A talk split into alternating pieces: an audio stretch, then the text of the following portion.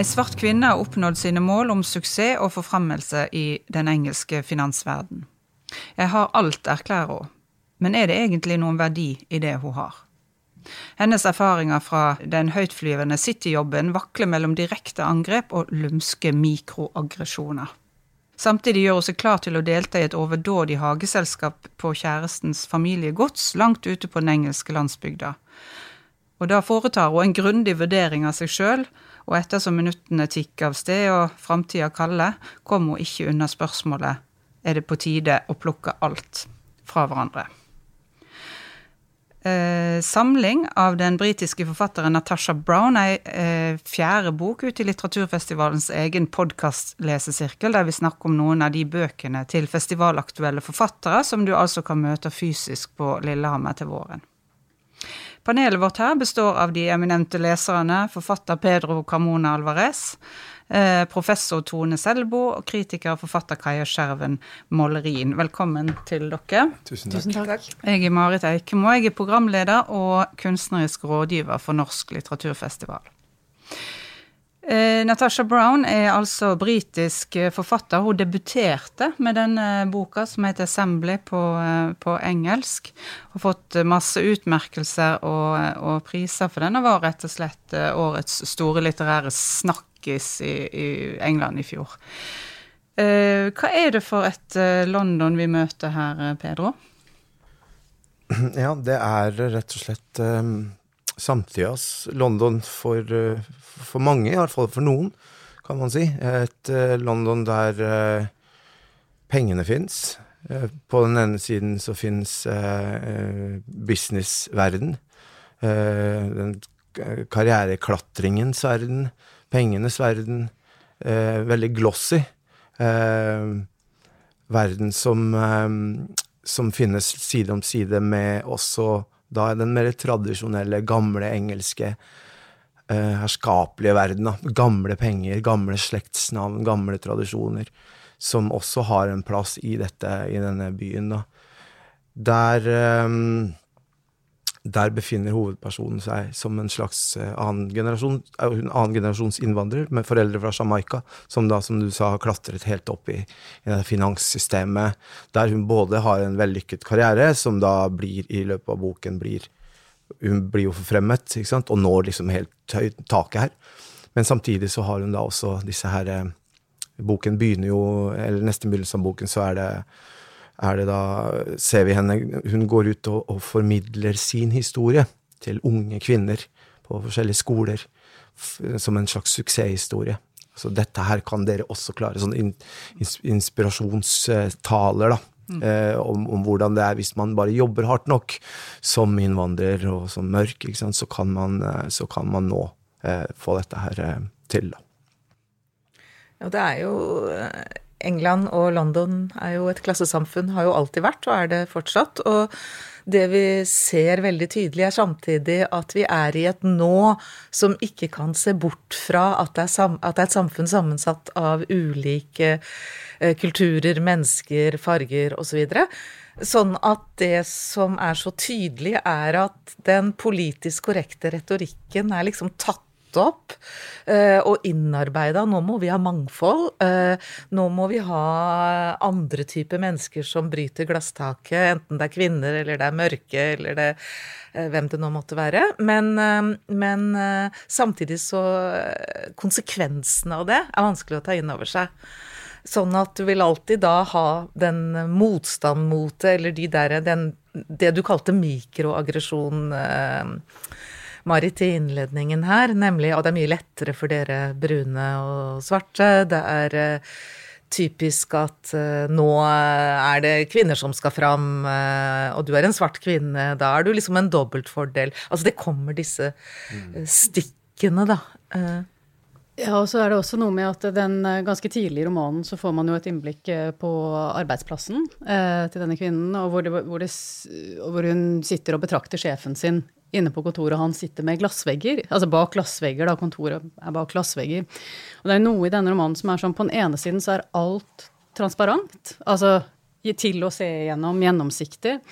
Eh, og på den andre siden så er det så mye som foregår i Altså bak skjulte Altså lukkede dører, skjulte rom, eh, altså av, av avgjørelser og, og, og, også sånn Altså hvordan holdninger skapes, da. Altså ideologi er jo ofte usynlig, fordi man vet ikke at uh, man vet ikke til enhver tid når man er påvirket av den. Og det er vel del, noe med disse mikroaggresjonene, at man er ikke klar over at man utøver dem, men, men, men er påvirket av liksom, strømninger som, som, man ikke overskuer, da. Så det, liksom det syns jeg den romanen gjør veldig fint. Altså det der på den ene siden alt som er helt ute i det åpne og synlig for alle, og på den andre siden det som er sånn mer usynlige mm.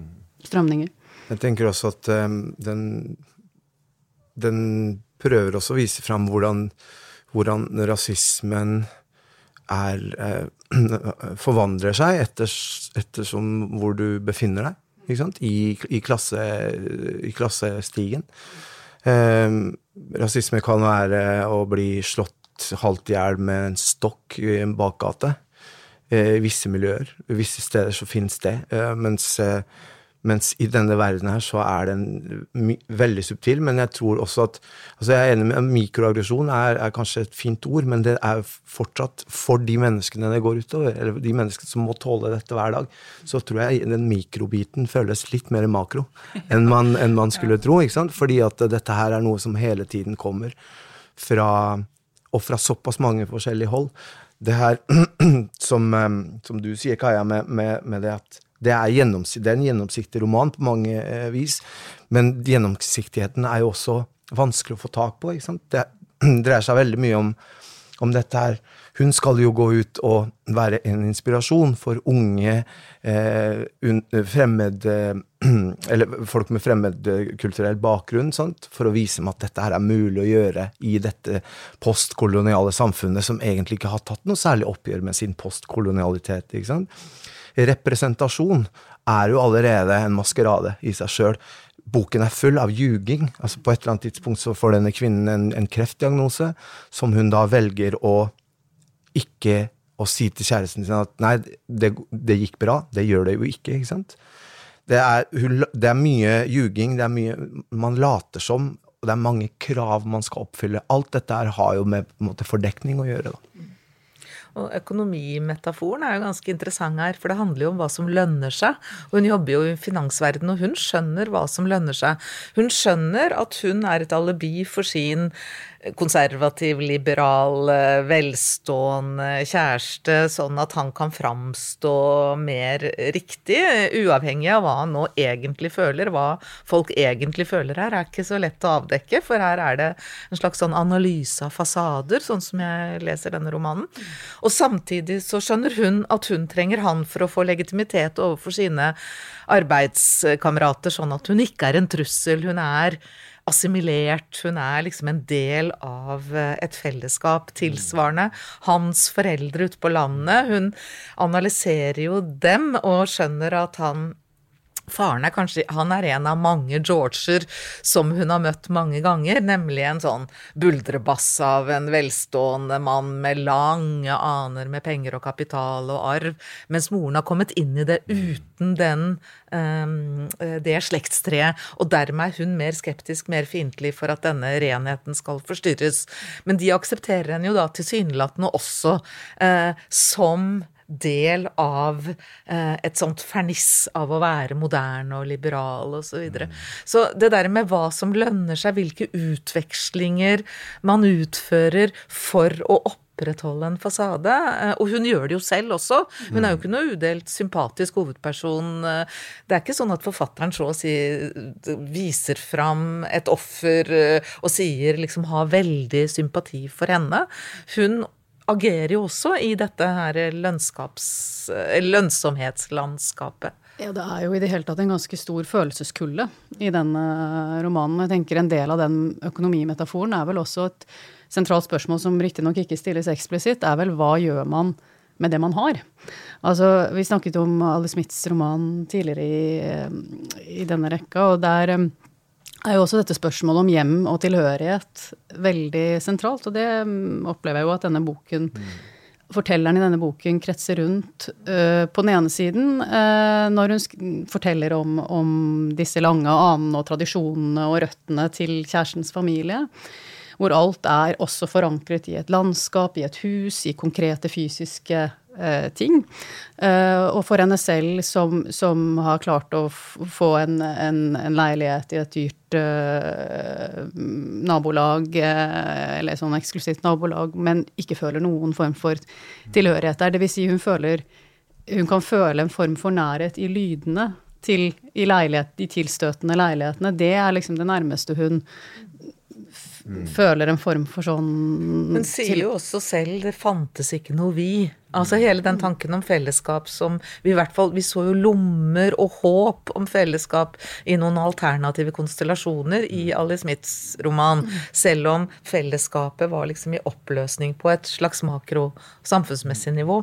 Men her er det ingen Ja, det er kanskje det selv, Nei, faktisk selv ikke det forholdet til venninnen på arbeidsplassen er et fellesskap. Selv de utveksler på et nivå som tilsier at de trenger hverandre i et slags spill, da, snarere enn at det er en reell varme. Det er jo en søster her ja. uh, som, som, man aner en form for ømhet uh, til, vil jeg si, da. Altså i hvert fall en form for omtanke om hva som om, altså, Kanskje et håp om at hun kan uh, leve et annet type liv enn det Samtidig som søsteren som liksom skal arve alt hennes når hun nekter å motta behandling for denne kreftsykdommen og lar seg selv gå i oppløsning, så å si, da, uh, og ikke vil mer, så, så er jo denne søsteren beundrer jo henne, går jo i hennes fotspor så er det jo litt sånn uklart. Vil hun at søsteren skal gjøre det samme som henne, eller? Ja, så, ja eh, og det er jo også, en, også, på den måten en veldig Altså det er veldig mye aggresjon i denne boken. Ikke bare aggresjonen altså hun selv opplever fra, fra omgivelsene, men altså er, hun har en aggressiv kreft uh, i seg. Altså kapitalismen er aggressiv, som vi vet, uh, i, i, i, mange ulike betydninger. Mm. Uh, og, og, hennes uh, Det der at hun kaller kjæresten sin konsekvent for sønnen. For eksempel, apropos, du var inne på navnene, altså George Hun har kjent mange Georger, altså som hun kaller faren. Det er jo en form for Det, det er ikke veldig mye kjærlighet uh, å spore i hennes blikk på de som er på en måte hennes indre sirkel. Som at hun mm. bærer jo også på en enorm aggresjon, og da ikke bare den aggressive kreften. Jeg tenker også at uh, denne romanen her, jeg har jo sett at den, har, den blir jo veldig lest i, i et sånn postkolonialt lys. Den handler om disse tingene, disse her, alle disse mekanismene som fortsatt virker i det britiske samfunnet. Alle disse tingene som man har unngått å snakke om, men som man har villet glatte over. Uh, ikke sant? Uh, der liksom Storbritannia vil på en måte kjapt forvandle seg til et, til et sånn Eh, et sted som faktisk har snakket om disse eh, stedene, eller om disse tingene, sant? som har tatt et oppgjør med tingene. Det er jo ikke sant. Men jeg opplever da romanen i like stor grad som et, et portrett av et menneske som, en, som har mistet alt håp, og som er i en dyp depresjon, og som kanskje i like stor grad bruker disse tingene Altså alle de valgene hun har tatt, alle de valgene som har gjort at hun er den personen hun er nå, er um, du kan alltids lage deg et reisverk av liksom grunner som er sosiologisk, økonomisk, politisk basert. Sant? Men dette her dreier seg om et, et, vesen som er altså Jeg har sjelden tror jeg, lest om et så kompromissløst blikk på altså, alt her er ganske tomt. Også seg selv, sant. Også, det er jo en veldig ja, ja. nådeløs selvanalyse. Jeg tror det er et sted hun omtaler seg så Altså den personen jeg var i ferd med å konstruere. Altså det er, det er jo et veldig sånn nådeløst blikk på seg selv. Og også i sitt, de intime situasjonene med kjæresten, hvor det er jo beskrivelser av hvordan han sovner tett inntil henne, eller ligger som et sånt lite dyr, eller uh, den type som man kunne forestille seg var uttrykk for ømhet, men det er samtidig blottet for ømhet.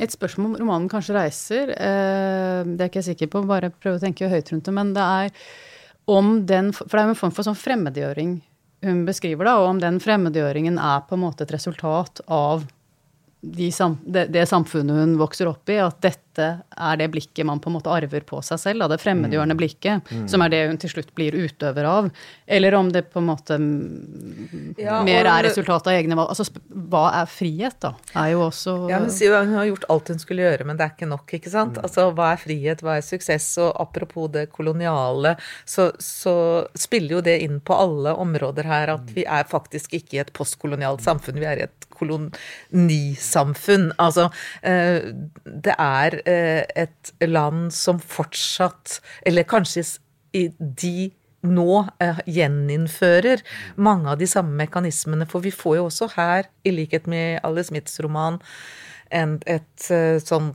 sånne spor av um, nye regler som gjør at folk som har bodd i Storbritannia hele sitt liv, skal plutselig være nødt til å registrere seg igjen, f.eks. Uh, det kommer også inn her.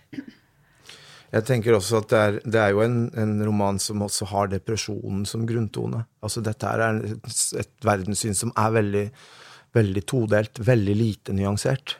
Denne hovedpersonen har det. Altså hun sier et eller annet sted, når hun da eh, nekter å, å bli å, å få hjelp, da, eh, og bare lar kreften bare liksom spise henne opp, og det er Så sier hun eh, Men å fortsette nå som jeg har et valg, altså det å si nei til behandling er et valg, å fortsette nå som jeg har et valg, er å velge delaktighet. Så det der med å på en måte tenke at det er det å være med på dette her, det er det som på en måte Det er for å komme seg ut av den loopen, da, som da er alle disse tingene vi har snakket om, det postkoloniale traumet, eh, pengene, jobben, statusen, leiligheten, alt det her. Og, om maskeraden, ikke minst. Den, den du må bli for å kunne virke i dette samfunnet. Alt dette har, er, er det døden som er, er veien ut av, som er utveiene. Så er det også det der med at det er jo i hennes plikt så blir jo veldig mye likt. Altså det er et sånt veldig generisk blikk, at alle ligner, alle ser like ut. Men det er jo også eh, altså Det ligger jo en ganske, ganske sånn sterk kritikk av uh, selvfølgelig rasismen, men også det, altså assimilering i denne romanen, som, som for denne hovedpersonen uh, handler om at alt blir gjort likt. Og det er en utrolig sterk passasje litt, ganske langt ute i boken, hvor hun skriver Svaret er assimilering. Alltid. Presset er konstant. Assimilering, assimilering. La deg løse opp i digelen. Flom så ut og ned i formen. Bøy knoklene til de splintres og knekker og du passer inn. Press deg inn i deres støpning. Du må la deg assimilere, sier de, med oppmuntrende stemme. Så rynker de pannen, gang på gang, og alltid, uhørlig, der under det ivrige snakket om toleranse og samhørighet, bli borte. Bli en del av Londons multikulturelle suppe. Der Så- kommer jo også tittelen inn, ikke sant. Den heter Assembly. Um, og, og jeg ser den norske bruker samling. Jeg vet ikke hva man skulle valgt det som tittel, men uh, for Assembly har jo også dette med Assembly Hall, som alle skoler i England har. Uh, vi, vi Oh, it's assembly now. Da skal du liksom samles. Altså det er liksom aula, forsamlingssal. Altså, vi er et fellesskap. Og igjen, da. Her er det jo det motsatte. Dette fellesskapet er et fellesskap som er et assimilert fellesskap, og noe som hun føler at hun blir det du siterte nå, Kaja, hvor hun liksom blir, nærmest blir sånn kroppslig brutt inn i, knekt inn i. Så, så det er jo en dyp ironi i den tittelen. Den, eh, den uh, henspillingen på fellesskap uh, som ligger der. Og hvilke premisser fellesskapene skapes på, da. Ja. ikke sant? Altså hva som er utgangspunktet Det for et finnes en nyansering når det gjelder blikket på omgivelsene. Jeg er enig i det at alt blir likt, og at det er noe av det liksom litt uhyggelige med denne romanen òg, da. Men det er jo at etter eller det er vel når hun er der på dette godset, og de skal feire sin 40-års bryllupsdag, disse um, foreldrene til kjæresten, så sier hun plutselig at hun får faktisk litt mer sympati for verdens Louiser. Og Louis er da en av disse ikke spesielt sympatiske arbeidskameratene som hun skal da dele forfremmelse med. For han poengterer at jeg også kommer fra ingenting, jeg kommer fra Bedford, jeg er omtrent vokst opp i et skur, og, og dette er like fremmed for meg som for deg. eh, Og underforstått, det er kanskje ikke like fremmed for han som for henne, men hun får et litt annet blikk. Hun ser noen nyanser i klassesamfunnet her. Eh, at det er ikke nødvendigvis sånn at alle er helt like allikevel, da. Eh, så det, det, er eneste, et av de få stedene jeg ser noe sånn litt forsonlig.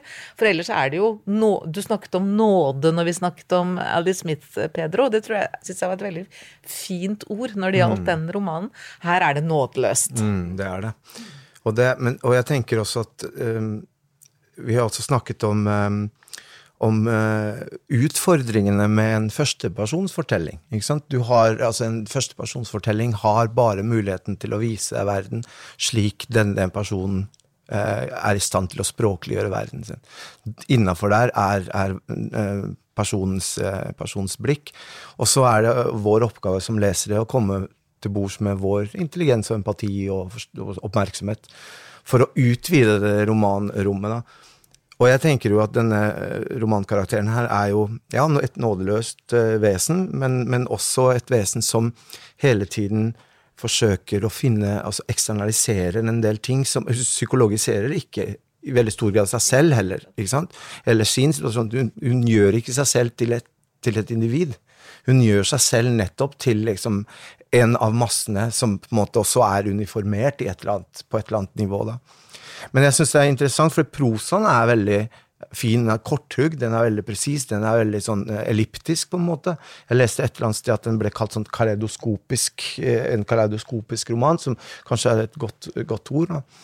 Men hvis man ser liksom på Du nevnte den scenen der hvor, hvor hun ligger og, og trøster kjæresten sin som jo er en rørende scene. Han, hun, han, har fått vite at hun har kreft, og han ramler sammen, antageligvis, og hun må liksom stryke han over håret og holde han. Og så sier hun i den passasjen at jeg, jeg måtte stryke han hele formiddagen, helt til jeg måtte på jobb. Og det er, det er så korthugd, det er så lite patos, det er så lite empati her. Men, og, men, og, det er jo vi som kommer inn i teksten med sånn Ja, men herlighet, for en morgen dette må ha vært. Ikke sant? Mens hun bare er ganske kjølig på det. Samtidig så jeg har en liten passasje her òg, eh, hvor hun snakker om naboene sine. Hvor hun sier naboene mine hadde liv som var viklet sammen med partnerens. De hadde revet seg løs fra foreldrene og knyttet seg til hverandre, delte regninger, mat, hus, leie. Det var, det var, neppe enkelt for dem å gå fra hverandre. Vi hadde, vi hadde ingen sånne forpliktelser. Nå snakker hun om sin, sin kjæreste. Men vi besøkte likevel gallerier, så teaterstykker, gikk på fester, arrangerte fester, reiste og lagde mat sammen. Vi sa vi. Dette virket som en nødvendig del av livet, som å jobbe eller trene. Og hvis man går liksom inn på det partiet her med, med å understreke da, de ordene her, viklet sammen, revet seg løs, knyttet seg til, dele, gå fra hverandre, forpliktelser, sammen, virke nødvendig. Alle disse tingene er romanen full av. Her, det her som på en måte er Det er et ønske, eller i hvert fall et blikk på disse tingene som sitter sammen, men ingenting gjør virkelig det. Alt virker på en måte sånn. Og det er, eh, det er tror jeg, den store sorgen i, i denne personens uh, liv også. at det er ingenting som på en måte sitter sammen her. Alt har gått i oppløsning, på en måte. Og det er jo en annen sorg også, som er at hennes foreldre og generasjonene før dem, altså at alt det de har arbeidet for, og alt de har utsatt seg for med sine liv i, eh, i England, det har ført frem til det hun er i nå. Det er dette Det er, dette, altså det er jo en, også en sorg for henne, slik jeg leser boken, da, og på en måte at hun ikke er lykkelig. Mm. Altså at, at, ikke, at ikke liksom foreldrenes og generasjonenes slit før henne har ført altså, har ført til mer, da. Men det er jo en, det er jo ikke noe vi her, bortsett fra at det finnes en forbindelse bakover knyttet til bestemoren, som også har dødd av kreft. Eller som har dødd av kreft. Og nå tar hun på en måte opp den historien. Og tar dette valget, som er et slags ikke-valg, nemlig at hun velger at hun ikke vil ha behandling. Mm. Og måten hun trøster kjæresten på, er jo mm. ved hjelp av en løgn. Mm. Nettopp ved å mm. ikke innlemme ham i et fellesskap, men å lyve.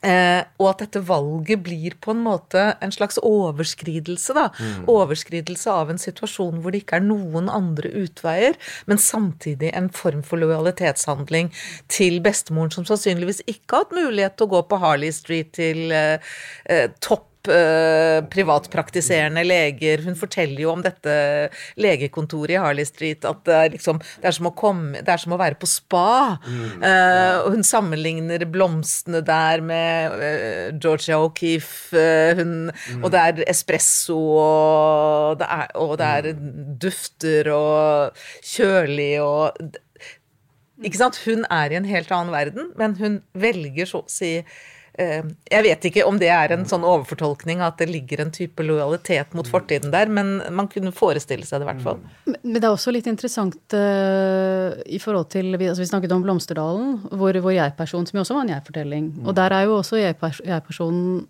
hun finner en form for kontinuitet i egen historie i nettopp relasjonen til bestemoren.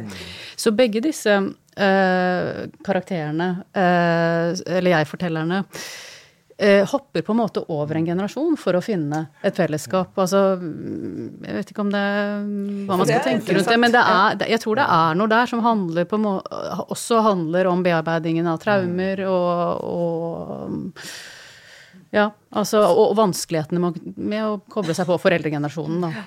Og hun vet jo veldig godt når hun utleverer eh, kjæresten som liksom skal forvalte denne tunge arven, hva annet skal jeg gjøre, hva er viktigere, sier han. Det er jo det punktet hvor han kanskje fremstår som usympatisk, ellers så gjør han jo i og for seg ikke det. Og det, um, at liksom, det at jeg skal være her og forvalte denne arven, hva kan være viktigere i det? Og det beste i livet er gratis. Mm. Uh, det er jo en sånn bitende ironi, for er det noe hun vet, så er det jo selvfølgelig at det som har vært gratis for ham, det har jo ikke vært gratis for henne og ikke vært gratis for hennes familie og hennes historie.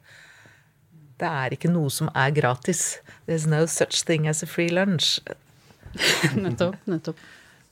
Uh, jeg lurer på, Hun er jo eh, veldig flink til altså Eller flink til, men hun er mer, mye mer av en sånn um, observatør enn deltaker, egentlig, i sitt eget liv. Uh, tenker dere også det? At det kanskje henger sammen med den uh, depresjonen, eller depressive grunntonen som du snakker om.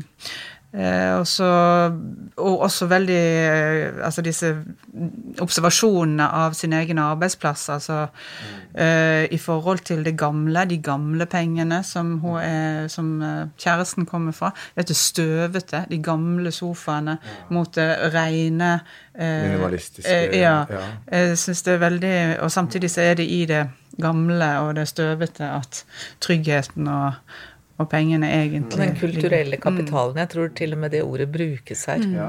Mm. En kuratert historie eh, snakker hun om i forbindelse med familien og stamtavlen, altså kjærestens familie. Og det er jo også Og han skriver ikke på dagbok, kjæresten, han skriver på en slags biografi. Eh, det er jo også Ja, det er jo noe vi ikke har snakket om her. At det er jo hele tiden referanser til Eh, den fortellingen hun fremfører, apropos jeg-fortelleren her, eh, så er den personen eh, kaller sin egen framstilling for et narrativ og en fortelling. Så hun skriver også på sin form for biografi, og gjør seg selv til person på den måten. Akkurat som eh, han eh, holder på med sin så å si slektsbiografi da, for å fremstille liksom, arv og miljø. Og her kommer, eh, her kommer hennes historie fram også som en eh, formulert fortelling. Så du har det derre ja, mer sånn typiske metanivået, da, hvor hun frem, henviser til sin egen eh, personlige Eller det er ikke mye personlig her, men mm. sin egen framføring som en fortelling. Da. Men tenk, det du nevnte i sted, Marit, det her med det at hun Altså, hun, jo aktiv, hun har jo vært et aktivt menneske. Hun har jo kommet seg dit hun har kommet. Jobb, altså hun sier et eller annet sted jobbe hardere enn alle andre, jobbe dobbelt så hardt som alle andre, men alltid være usynlig. Altså Det har jo med assimileringen å gjøre. Ikke bli lagt merke til. Men bare, du må jobbe mye mer enn andre for å komme dit andre, andre kommer. da. Men samtidig så er hun da, som du sier, et vesen som, eh, som registrerer i, i, større grad enn hun deltar. liksom. Alt er liksom sett på ganske stor avstand. og i hvert fall dette her, Det er jo, som, som dere nevnte tidligere, dette med at, at romanen er full av navn på noen, noen plasser, liksom. Georger Altså, hun generaliserer jo på det samme måte som hun anklager andre for å generalisere henne. ikke sant? Um, hun uh, projiserer også sine forestillinger om dette er det gamle imperiale den imperiale familien, eller dette landet, da, over på, på, denne familien som hun har kommet inn i. Og samtidig så har hun jo eh, en, en, Hun har jo noen erkjennelser på det. Liksom. Hun tenker og sier et eller annet sted Hvorfor gjør jeg dette? Jeg reduserer sønnen, familien og hjemmet deres til utvalgte øyeblikk, glimt og sammendrag. Så hun, er, hun veit jo også at hun, hun, har et sånt reduktivt blikk på, på det hun ser, da. Um, og hun har ikke noe navn, og han og kjæresten har ikke, noe navn. navn. Han kalles for sønnen, som du sa. Han er liksom uh, Han skal ta vare på arven, han skal ta vare på den altså slektstavlen, det reine, det reinrasede. Og ikke på en klein, dårlig rasistisk måte, som Isse sier, men på en, på en, god måte. ikke sant? Det, det, dreier seg om andre ting enn rasisme. Og så har ironisk nok Meghan Markle, for eksempel, et navn i hun får et navn, ja. Og de digger henne og Og, og kaller det fremskritt. Ja. Uh, altså, ja. Men, men, et eller annet sted i boka sier hun da, eh, der hun eh, er mest på en måte sånn eh, artikulert når det gjelder det politiske, da. Eh, med svimlende letthet er den faktiske historiske framstillingen av 1900-tallets Storbritannia i fredstid blitt rykket opp med roten og fjernet fra nasjonens kollektive minne, sier hun. Byttet ut, og i stedet florerer vage solskinnshistorier, som hennes, da, ikke sant? Eh, og som da hun også er med på å forvalte videre. Sant? Om, om, et humant imperialistisk styre. Hvordan skal vi kunne engasjere oss, diskutere noe eller i det hele tatt tenke med postkolonialt fortegn når det ikke finnes noen felles kunnskapsbase? Altså engasjement, diskusjon, det er de tingene som er vekke herfra. I stedet så sitter vi igjen med et, med et uh, generisk blikk på, på, både seg selv og de andre, syns jeg. altså. Det er jo også Ja, det er det jo. Jeg er helt enig i det, Pedro. Men uh, jeg tenker jo også, det er jo flere konflikter i forhold til dette med å være en observatør. Da. Den observatøren hun er, så er det jo flere konfliktlinjer i, i, boken. Det ene er jo det, altså, med klasse og ulike klasser, og det andre er jo kjønn. Uh, og det, altså, hun diskuterer vel eksplisitt på et tidspunkt det der med at, at diskusjoner om rasisme ja, og rase. Ikke sant? Hun diskuterer eh, Nei, sier at dette med at diskusjoner om rasisme en, ofte ender opp i at det handler om klasse. Mm. Uh, og at det blir på en måte to sånne konfliktlinjer som brytes mot hverandre i, i, boken. Og jeg tenker at hennes eget Det er noen sånn interessante små situasjoner på jobb der, som er, er sånn at hvis, hvis f.eks. sekretæren er syk, så er det på en måte hun som ender opp med å måtte lage kaffe. Og bestille flybilletter. Og bestille flybilletter mm. til sine mannlige eh, kollegaer. Og, sånn at det spiller seg jo ut i sånne små daglige situasjoner som like mye handler om at hun er kvinne, eh, som, som, i hennes eh, altså bakgrunnen, rasebakgrunnen. Nå har det jo dobbelt, da, på en måte. For vi kjenner jo igjen Dette er jo et sånn klassisk mannsdominert miljø, og så plutselig så skal de ha mangfold kjønnsmessig og rasemessig osv. Og, så og, og det der er, det er jo veldig sånne typiske situasjoner hun fremstiller, da. Den mannen som blir forbigått, som må kompensere på et eller annet vis ved, ved hjelp av noen subtile bemerkninger, eller dele makt debatten, og, og, og det, at du liksom får fram Skal ha fram andre. Um, og, og, hun påstår jo Hun sier jo flere steder at 'jeg forstår ham også'. Ja, ja. sier hun. Jeg forstår hvorfor han sier sånn og sånn. Men, men det er så interessant, fordi at eh, jeg tror den, egentlig at den romanen også sier veldig mye om, om blindsoner.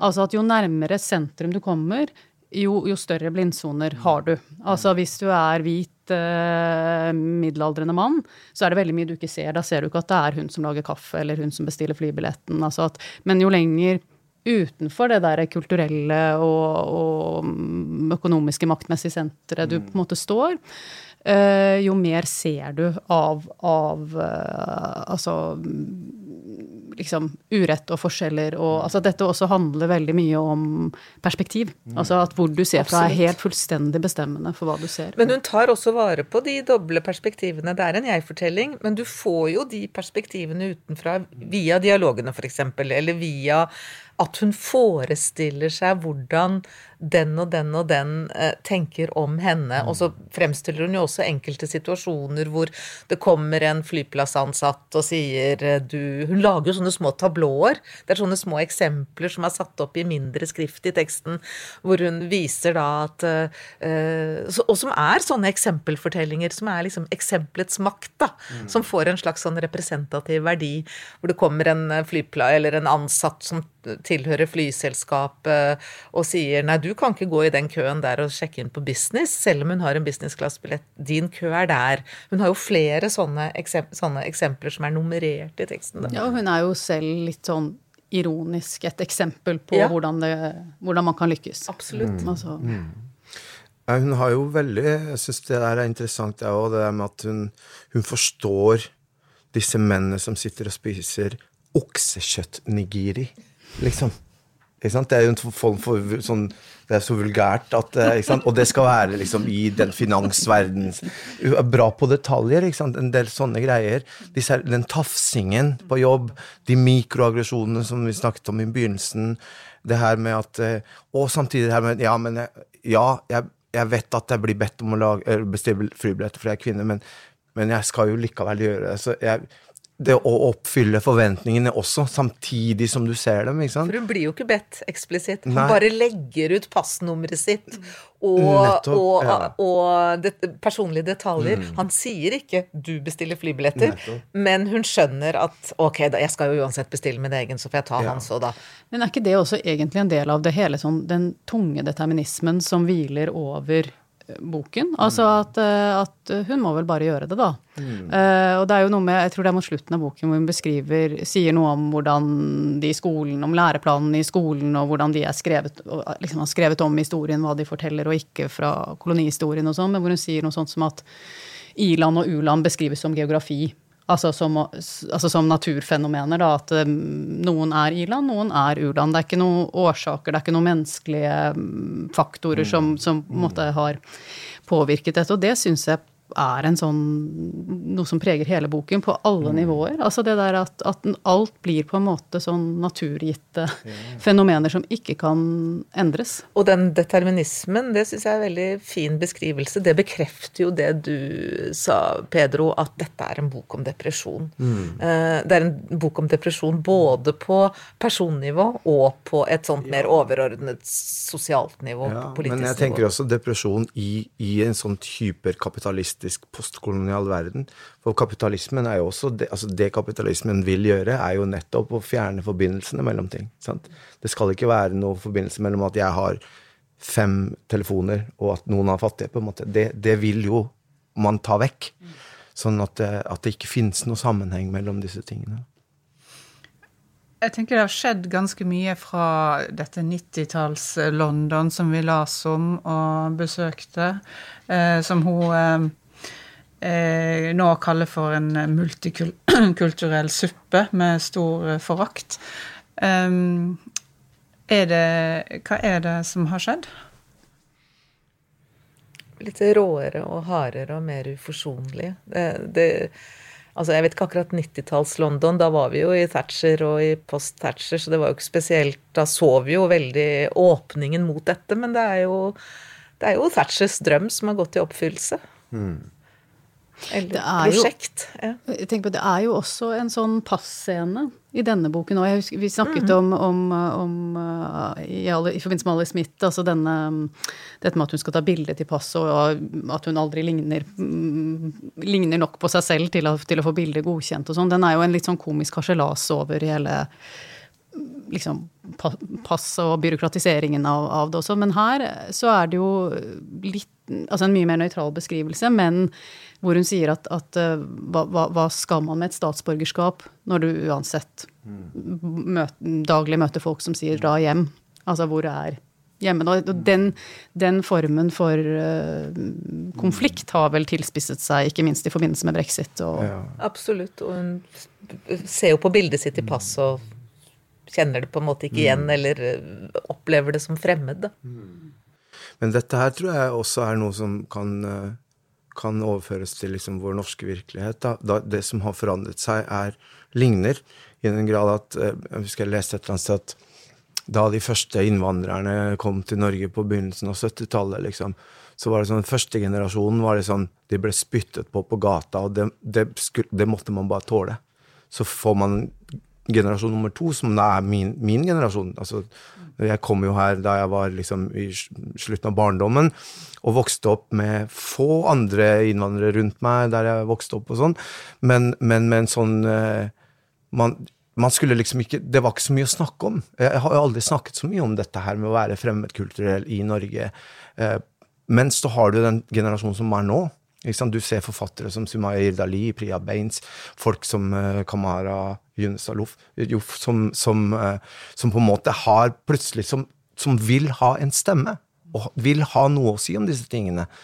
Og det er på en måte, jeg tror det har forandra seg veldig, da. Det at, at, at uh, at vi som på en måte kommer fra andre plasser i verden og har blitt poda inn i det her, har fått behov for å snakke om disse tingene, og samtidig som samfunnet har sagt at vi trenger dere også til å på en måte um, Ja, til å hvitvaske oss sjøl litt, altså.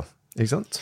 Det er jo også interessant i denne boken at for, for det, på en måte så blir det jo tydelig at, at denne handlingen også utspiller seg mot nettopp et slikt bakteppe som du mm. så fint skisserer nå, Pedro. Samtidig som den også viser at liksom den enkeltes livsfølelse veldig ofte kan være totalt i utakt med det som skjer i offentligheten. Med de store diskursene. Med de, mm. med de store At selv om det på en måte er blitt et større rom i offentligheten for å diskutere disse temaene, så, så trenger ikke det ha noe å si for den enkeltes livsfølelse. Mm. Altså, og det sier vel kanskje den boken også noe om. Ja, absolutt. Mm. Og med dette takker Lesesirkelen for denne gang. Les dere gjerne opp til festivalen sammen med oss. Neste podkast er tilgjengelig for 18. mai, og da snakker vi om Douglas Stewarts roman 'Unge Mango'. Se fullstendig leseliste på litteraturfestival.no.